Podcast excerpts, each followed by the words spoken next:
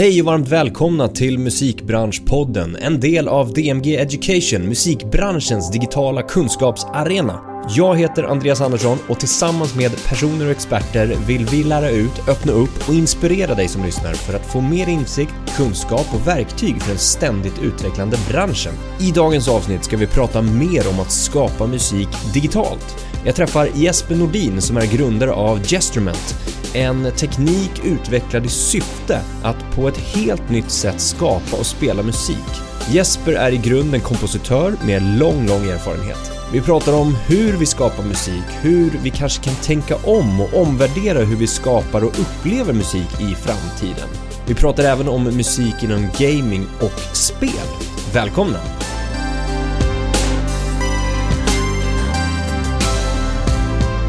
Jesper Nordin, varmt välkommen till Musikbranschpodden. Tack så mycket. Hur står det till?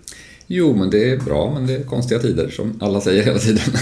Ja, ja men märkligt, verkligen. Märkligt med livet som det är nu. Det är lite så här standardinledningen som vi, som vi kör på just nu. Men, men vi löser det ändå. Du, som du sa, du har en Neumann bredvid dig. Japp. Alltså en mikrofon för den som inte visste om det. Eh, och spelar in på ditt håll och jag spelar in på mitt håll så mergar vi ihop det sen. Men jättekul att ha dig här. Mm. Eh, du är grundare av eh, Gestrument. Mm. Och vi ska prata mer om vad det är för någonting också längre fram. Eh, Den som inte riktigt vet kommer få en inblick i vad det är för någonting, användningsområden och lite sådana saker. Det ska bli väldigt spännande och vi ska bli lite tekniska framöver också. eh, För den som tycker det är kul. Mm. Vi ska prata och toucha AI också. Alltid spännande. Men först och främst, vi kör på. Gestrument, vad är det för någonting? Ja, man ska beskriva det i en mening så är det en teknologi som landar precis mitt emellan ett komponerat verk och ett spelbart instrument. Eh, man kan alltså ha kontroll, styra liksom musikens ramverk, regelverk med ja, musikteoretiska eh, inställningar av eh, skalor och omfång och, och rytmiska mönster och allt, allt, allt som kan, man kan tänka sig liksom på olika sätt. Men den är baserad på att allting görs i realtid, så det är ett instrument. Eh, och det här är ju liksom någonting som, som eh, vi kan ju prata mer om varför jag kom hit, men implikationerna framöver blir väldigt stora när man börjar grotta ner sig i det här. Och det är, liksom, det är inte så att säga att det inte finns andra liknande saker, men jag tror att vi, först med, med mitt forskande och sen med, med det teamet jag har runt, så har vi börjat hitta någonting som faktiskt pekar åt en liten ny riktning. Min vision, eh, om man tar liksom på det stora planet, är ju att man ska få tillbaka hemmamusicerandet från 1800-talet, men med dagens teknologi. Då var det enda sättet att uppleva musik var att spela själv. Det betydde att alla var delaktiga i sin egen musikupplevelse eh, så mycket som möjligt. Eh, Och det finns ju tekniska möjligheter att få tillbaka det. Sen kommer då den liksom mer filosofiska frågan kring Ja, men betyder det att man suddar ut professionalismen eller så? Och jag, jag ser på det precis tvärtom. Jag tror precis som liksom att Sverige har mycket musikmänniskor och många fotbollsspelare därför att vi har en väldigt stor bas av många som är engagerade. Så tänker jag att man, kan, man också skulle kunna se det med musikskapande. Om fler, det har ju redan hänt massor liksom med alla, alla teknologier som finns idag, garageband och sånt. Men om man ännu tidigare, om det första mötet med musik var att man fick faktiskt vara med och spela och skapa på, ovanpå sin, tillsammans med sin favoritmusik och det liksom funkade. Det ser jag som en, liksom den stora vägen och det betyder ju också, speciellt i dessa liksom streaming och coronatider, nya typer av möten mellan artist och, och publik. Eh, för det är ju liksom, det är det som har hänt med streaming, att det, Fandom har ju liksom lite grann fått hitta nya vägar istället för LP-skivor och affischer på väggarna och konserter och nu är det liksom snart ens konserter liksom också borta. Så det blir liksom krångligare och krångligare att hitta vägen att, att koppla eh, sitt, eh, eh, ja, till sin artist och liksom få den kopplingen.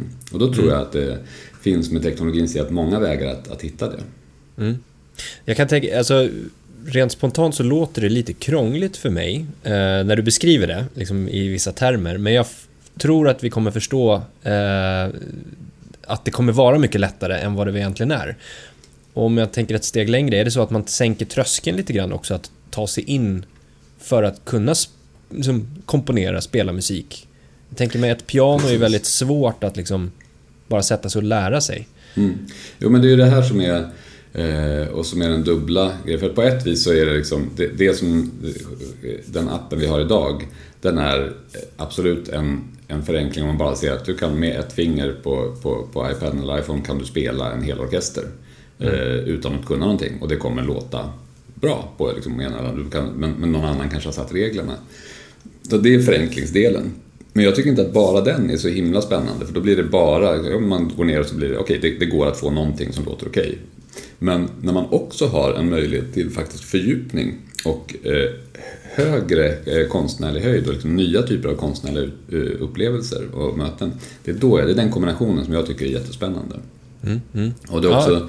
som du sa med, med liksom, motstånd mot att lära sig ett instrument. Det finns ju många aspekter i det som, som där det, är, det är jättekul och det är jättehäftigt och så är det vissa saker som liksom de här stora trösklarna. Om man lite tidigare kunde få vara medskapare, man kunde liksom få det, om det låter bra på en gång på vissa sätt, då tror jag också att man skulle liksom behålla intresset längre. Mm. Så det är sånt som vi tänker mycket på och funderar mycket kring. Ja, just det. Ja, men vi kommer in lite grann på mer användningsområden och, och lite kanske djupare tänk kring, kring det här då. Och jag kan ana också var, var namnet kommer ifrån. Gestrument, alltså det är ett mm. instrument men det är gesture. Ja, precis. Det är styrt av en gest. Liksom. Det, och eh, det är väl egentligen ett rätt så dåligt namn så här i efterhand. För det var, det är, folk stavade fel och uttalade fel och liksom, det är lite krångligt sådär. Men, men det, det sammanfattar ju vad det är på ett bra sätt. Mm. Mm. I, i, liksom, I den appen när vi, när vi gjorde det. Sen så nu har vi ju många större tankar kring vart vi kan ta det här vidare. Mm. För att det är ju inte, det är ju inte bara, alltså, vi har ju flyttat över teknologin nu till en kärna eh, som, som kan portas var som helst. Och nu är vi på väg in i videospel, vi är på väg in mot eh, education-projekt och vi är på väg åt många olika håll med den här core-teknologin som nu är patenterad. Okej, okay, så att egentligen är teknologin grunden och sen mm, så kan ni precis. bygga olika tjänster eller applikationer eller mm. sådär utifrån det. Mm. Vad, och vad inte liksom... bara vi, utan liksom att man möjliggör för andra också att göra det på olika sätt. Ja, okej, okay, just det. Och vad är det som är liksom målet? Vad, vad, ser du att det här är för någonting? Ja, som jag sa, det är liksom, det är både ett slags demokratiserande av, av eh, musikskapande, att liksom få, få ett lättare sätt att, att få, få folk att vara med och sänka tröskeln som du sa. Men också att faktiskt försöka hitta nya sätt, både till konstnärliga uttryck och till, till, eh, till eh, nya sätt för, för revenue, för artister och alla möjliga sådana olika delar som liksom samverkar till ett ny, ny, nytt sätt att, att eh, tänka musik. Jag är helt övertygad om att musik kommer vara interaktiv på ett sätt som vi inte tänker oss idag inom 40-50 år åtminstone, liksom, om inte tidigare. För att det är, teknologin är på väg åt det hållet. Det är bara frågan om på vilket sätt. Mm. Och jag tycker det är spännande med det som vi har hittat här är att det fortfarande på ett vis både kräver att eh, eh de som skapar det eh, är eh, musiker och liksom har, tänker musik. Eh, så att det finns, liksom, det finns ett skapande aspekt. Det är inte att man tar bort någon, att man liksom har en AI som är istället för eh, upphovspersonerna, tvärtom. Man möjliggör nya saker. Eh, och jag tror också att, att man liksom med de här tekniska möjligheterna också fördjupar folks lust och förståelse till, till musik. Det är det jag tycker känns väldigt spännande. Mm, mm. Vad, vad föddes idén till det här någonstans? Av mina egna personliga brister. Alltså. Som ofta är, det, det är liksom om man, jag, jag hade jag kommer tillbaka till exakt det, men jag hade en väldigt bra eh, Jag studerade ju komposition i, på många ställen. Det sista stället jag studerade var Stanford i USA. Där hade jag en jätte, jättebra kompositionslärare. En av de mest tekniska och, och teoretiska kompositionslärarna man kan tänka sig. Hans musik var väldigt komplex och komplicerad och supernoggrann och sådär. Min är inte alls det på det, samma vis. Så när jag hade min sista lektion så frågade jag vad tycker du jag ska förbättra? Vad, vad ska jag liksom ta vara på? För jag såg bara alla mina brister och att jag inte kunde så mycket där. Ja, du ska ta vara på dina brister, för de är din personlighet. Eh, och det är såklart inte, liksom, det kan ju vändas till någonting fördummande att man inte ska lära sig mer. Men det är inte det han menar, utan det finns någonting där att ett motstånd som man har kan användas och vändas till någonting som blir ett nytt, eh, någonting nytt. Mm. För min bakgrund in i den klassiska musiken var ju helt liksom bakvänd. Jag började lira punk när jag var 16. Mm. hade tur då att jag började med, med hade, gick i, i, en klass där några stycken faktiskt kunde spela. det var två stycken som sen startade bandet Entombed, som jag startade mitt första band med. Så de kunde ju spela och så kunde jag hänga på och försöka lära mig på vägen. Där. Och sen så skrev jag låtar. Blev aldrig någon bra musiker för att jag övade inte särskilt mycket. Eh, men skrev låtar och de växte och växte och det blev liksom viktigare och viktigare för mig med den här musiken. Så sen så insåg jag eh, i tidiga 20-årsåldern, 21, 22, 23 där, att jag vill försöka skriva musik och liksom lära mig att komponera. Eh, och då var det att försöka lära sig läsa och skriva noter. Som ju liksom var en helt annan väg. Jag kände inte till den klassiska världen alls och inte min, eh, ännu mindre den nutida klassiska musiken. Att det ens fanns någonting sånt.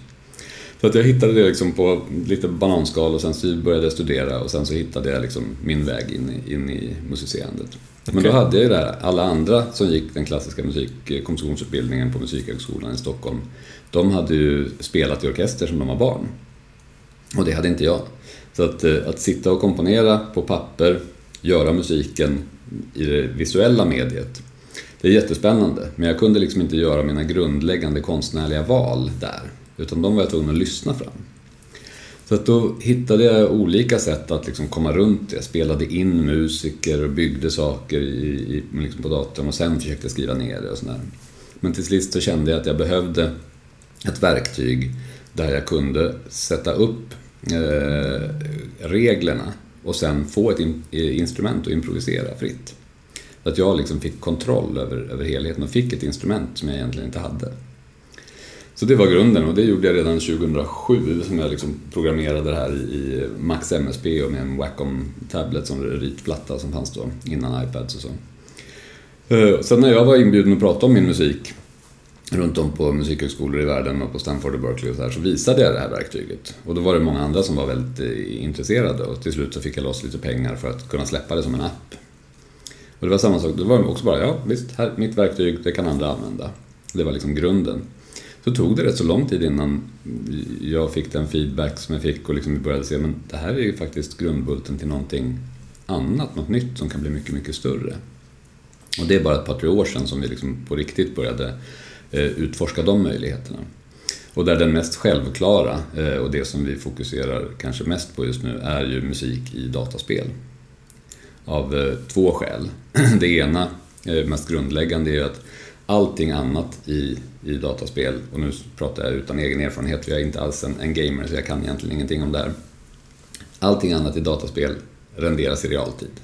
Det finns fysikmotorer och, och shaders och allt vad det heter. Så man sätter upp reglerna för hur saker ska funka och sen så, beroende på vad spelaren gör, så skapas det visuella i, där och då. Musiken är det enda som fortfarande är hårdkodat. Det är ljudfiler de är, kan vara korta, de kan vara olika lager och liksom det är loopar som man kan byta mellan mm, på ett mer eller mindre interaktivt sätt. Men de är hårdkodade. Och vad vår teknologi kommer med är ett sätt att då kunna göra musiken så att den också blir regelstyrd och kan påverkas på hel, hela tiden beroende på vad, vad spelaren eller spelarna gör. Just det. Och det andra sättet, det andra skälet till varför vi tänker att vi ska satsa på det här är ju att hela dataspelsbranschen om man hårdrar det, är lite grann en förlorad marknad för, för musikbranschen. Eh, för att där, det finns inte, det är, det är buyouts bara så att det liksom det, kompositörerna skriver musik och sen så det finns inga royalties, det finns inte, det finns liksom inga riktigt bra mötespunkter och det är dels på grund av medierna. Det är liksom, vi har fixerad musik och vi har interaktiva spel. Det är en krånglig sak att lösa. Och det andra är liksom bara rättighetsupplägget och sådär. Så vi tror att vi, det här liksom, teknologin kan bli en grundbult för att få de två eh, branscherna att mötas på riktigt. Och, och, din bakgrund, vad, är, vad eh, som du sa, du, du kommer från punksidan av det hela. Eh, vad plockar du med dig liksom, i de olika, kan man, kan man dela upp det i olika eror så att säga? Uh, Ja, det, jag vet inte riktigt. Alltså för, för mig var det, det var, det var liksom samma drivkraft som drev mig att skriva eh, rocklåtar när jag höll på med det och det var ju inte så lång tid jag gjorde det. Det var ju liksom fem sex år där och sen så bytte jag spår. Men det var liksom samma kraft, som jag, samma, samma lust. Så att jag, när jag slutade med, med att skriva rocklåtar så har jag två låtar som var halvfärdiga och de slutförde jag aldrig. Sen dess har jag liksom inte försökt det mer utan sen tog jag över kraften hit istället. Till att skriva orkestermusik och, och ensemblemusik. Och, och just har jag fokuserat mycket på mötet mellan musik och teknologi. Mm. Eh, som ju i den klassiska världen, det är absolut ingenting eh, udda eller ovanligt. Men för vissa av institutionerna, vissa av orkesterinstitutionerna är de mindre vana vid det. Är det lite motstånd där också? Jag tänker på de tekniska utvecklingsstegen. Ja, det kan det vara i vissa lägen, men å andra sidan så är det ju precis tvärtom på andra ställen. Jag studerar ja. till exempel på IRCAM som ligger vid Centre Pompidou i Paris, där ju väldigt mycket av den här grundforskningen, och det är, det här, det är lite spännande i den här kontexten med just en musikbranschpodd, eh, att jag tror inte att alla liksom riktigt har koll på de verktygen som man använder i i liksom populärmusik generellt, eh, sequencers och trummaskiner och samplers och allting sådär.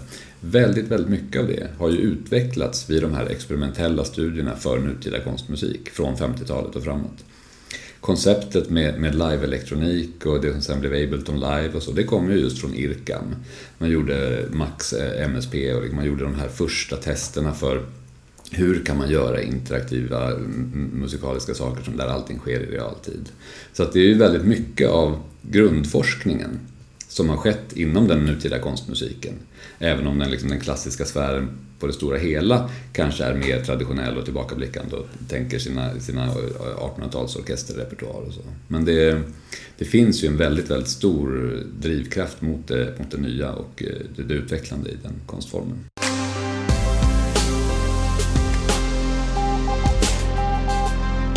Om du får titta lite grann i framtiden, vart tror du att ni befinner er om tio år? Ja, det är väldigt, väldigt svårt att säga. Eh, men eh, i den bästa av världar så, så har vi lyckats etablera det här som ett nytt sätt att tänka kring, kring musik i spel och även inom education och liksom ett nytt sätt att möta, möta en publik för artister. Mm. Eh, Den här eh, videon som jag hänvisade till förut där jag tillsammans med Martin Fröst spelar klezmer med en, en rörelsesensor. Eh, det är ju någonting som, det är ju väldigt, egentligen tekniskt inte alls särskilt krångligt att tänka sig att man har en solist av hög klass, vilken genre det nu än må vara, som spelar i sitt vardagsrum. Och varje person som tittar på det är delaktig i kompet kan själv göra sitt eget komp till denna solist. Och eh, artisten som, som eh, leder det kan ha satt reglerna så, så att eh, den personen ändå har koll och har kontroll på helhetsupplevelsen. Men varje enskild mottagare av upplevelsen får sin egen, kan göra sin egen specialsydda eh, version. Just det. Och det är ju liksom ett helt nytt sätt att tänka eh, musikaliska möten. Och det är ju någonting som är den typen av större sätt, ett, nya, ett nytt sätt att liksom interagera kring musik.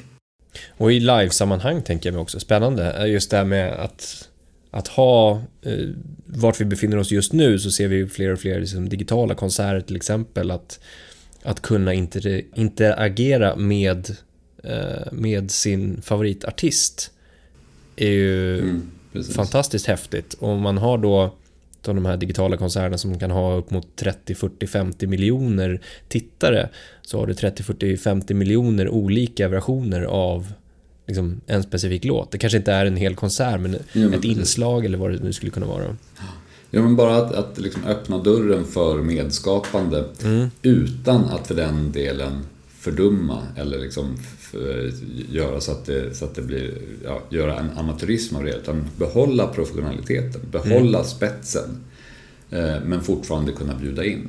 Och det kan man idag tack vare teknologi på, på ett helt nytt sätt som man inte har kunnat förut. Mm. För att eh, om du skulle tänka att man har den, den typen av interaktion och så, okej, okay, och nu ska alla plocka fram ett instrument och, och, och jamma med. Eh, då blir det ju bara kakafoni. Mm. Men om man kan styra Eh, reglerna, styra vad som händer. Då, då, då, kan man få en, man kan till och med få så att alla, alla kan höra varandra och allting funkar ändå ihop. Mm. Eh, för att reglerna är satta. Mm. Bör man också tänka i sånt, liksom nu när vi ändå är inne på det, det här med att skapa musik och uppleva musik i den inspelade musiken, alltså inte bara live-sammanhang på det sättet, utan den inspelade musiken. Bör man titta på ett annat sätt att samskapa med eh, Eh, sina fans eller följare eller så? Det finns ju såklart möjligheter där också. Jag, jag kan tänka mig att, att eh, som sagt, jag, jag, är ju, jag tycker ju att, att eh, hög kvalitet är någonting att värna om. Så jag ju inte, tycker inte att man ska, ska släppa på det. Utan det är alltså att det får ta år att göra en riktigt bra inspelning. Eh, och att det får ta ett år att skriva ett symfoniskt verk, det, det, det tycker jag att det ska få göra och det är liksom viktigt oavsett genre, att man får ha den fördjupningen. Eh, och det är såklart att någon som inte har hållit på länge och, och kommer kanske inte kunna tillföra i de delarna, men i sin egen upplevelse. Så jag är ju mer fokuserad på den, på liksom den, den slutanvändarens egen personliga upplevelse. Att den ska kunna förhöjas eh, på sätt som är kontrollerbara av upphovspersonen. Mm. Och det är det som blir det spännande. Att mm. Man kan ju välja, man tänker sig att ja visst, vi har en inspelad, fixerad låt. Men det finns eh, delar av den där det är öppet för eh, ett solo för den som, som lyssnar med. Eller man kan välja att plocka bort eh, de förinspelade trummorna och använda samma ljud från trummorna men göra ett lite annorlunda trumkomp till mm. för, i sin egen upplevelse. Det öppnar upp för många möjligheter. Man ser liksom de här första försöken som har gjorts, allt ifrån liksom 90-talet när, när, David Bowie gjorde CD-ROM-versioner, liksom, då, då var det ju inte så mycket av musikalisk interaktivitet. Sen börjar folk ändå tänka tankarna och sen kommer Björk och Radiohead och släpper appar.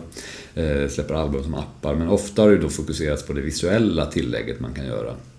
Men om det sen också skulle kunna vara eh, med ett musikaliskt tillägg. Att man, att man bjuder in fler till att... För jag tror att den upplevelsen, precis som man ser liksom i TikTok eller, eller alla de här, att folk får känna att de här del, de, de skapar mm. sin egen lilla musikvideo. Eller i, i Roblox, de skapar sitt eget spel. Det finns liksom så många möjligheter. Det, man frigör en stor kreativitet eh, i det. Som jag tror är liksom bra för samhället i stort. Just det.